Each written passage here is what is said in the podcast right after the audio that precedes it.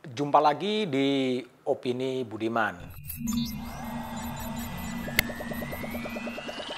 Kita tinggalkan hiruk pikuk soal partai dan kemudian isu soal presiden, tapi saya akan cerita kembali soal isu yang menjadi masalah besar di Indonesia yaitu masalah korupsi. Yang ribut sekarang adalah keputusan Komisi Pemberantasan Korupsi menghentikan penyidikan dalam kasus korupsi BLBI Samsur Nur Salim dan Icih Nur Salim itu menimbulkan protes berkepanjangan. Sejumlah aktivis anti korupsi menilai KPK terlalu cepat untuk menyerah sehingga penyidikan kasus korupsi Samsul Nur Salim kemudian dihentikan Padahal Nur Salim baru ditetapkan sebagai tersangka pada 10 Juni 2019. Belum sampai dua tahun sebagai tersangka sudah dihentikan. Wakil Ketua KPK Alexander Marwata mengatakan bahwa korupsi Nur Salim dihentikan demi adanya kepastian hukum. Kemudian KPK juga merujuk kepada putusan Mahkamah Agung dalam tingkat kasasi yang berkaitan dengan terdakwa Kepala BPPN Sarifudin Tumenggung yang diputus lepas dari tuntutan hukum. Kasus Sarifudin Tumenggung menjadi latar belakang mengapa SP3 itu dikeluarkan.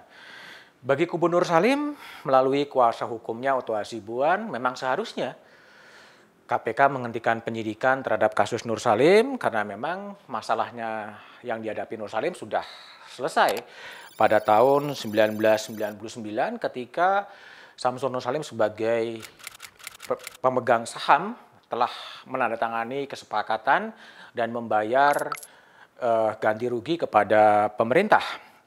Oto juga menyebutkan ada jaminan dari pemerintah setelah kewajiban dari pemegang saham, kemudian tidak ada tidak ada tuntutan, tidak ada gugatan lain. Tapi masalahnya adalah bagi publik terasa ada ketidakadilan, ya ketidakadilan mengapa kasus korupsi BLBI yang kerugian negaranya sampai 4,5 triliun kemudian dilepaskan begitu saja. Rasa keadilan itu menjadi ukurannya menjadi sangat uh, subjektif terserah kepada rasa keadilan publik kadang-kadang dibandingkan dengan rasa keadilan kasus-kasus yang lain. Pertanyaannya kemudian mengapa kontroversi itu kemudian terjadi? Ada sejumlah hal yang mungkin bisa dijelaskan kenapa kontroversi itu terjadi. Yang pertama adalah terbitnya SP3 itu tak bisa dilepaskan dari revisi Undang-Undang KPK ya.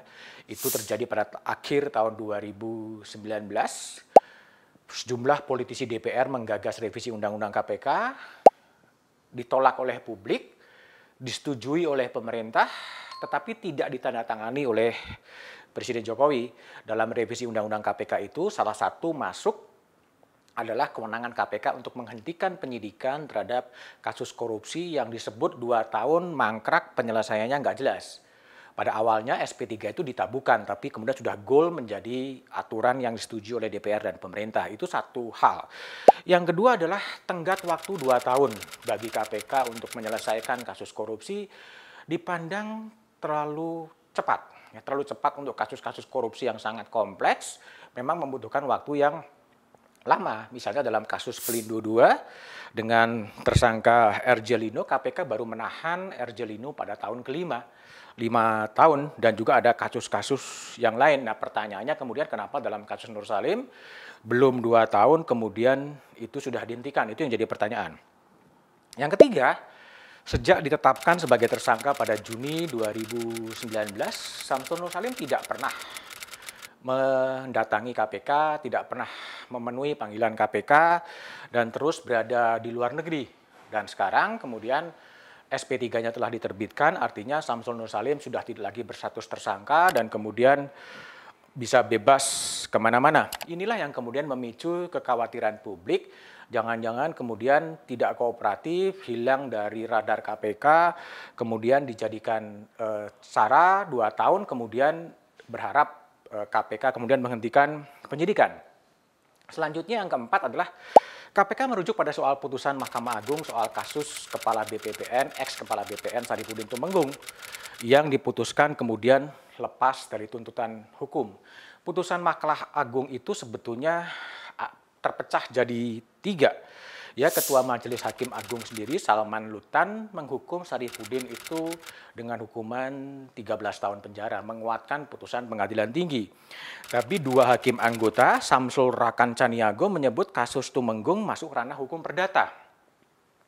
Hakim ketiga yang lain adalah Muhammad Askin, menyebut kasus Tumenggung itu ranah hukum administrasi. Ada yang menyatakan pidana, ada yang menyatakan perdata, ada yang menyatakan ranah hukum administrasi. Posisinya 21, tapi putusannya adalah uh, Tumenggung kemudian lepas dari tuntutan hukum.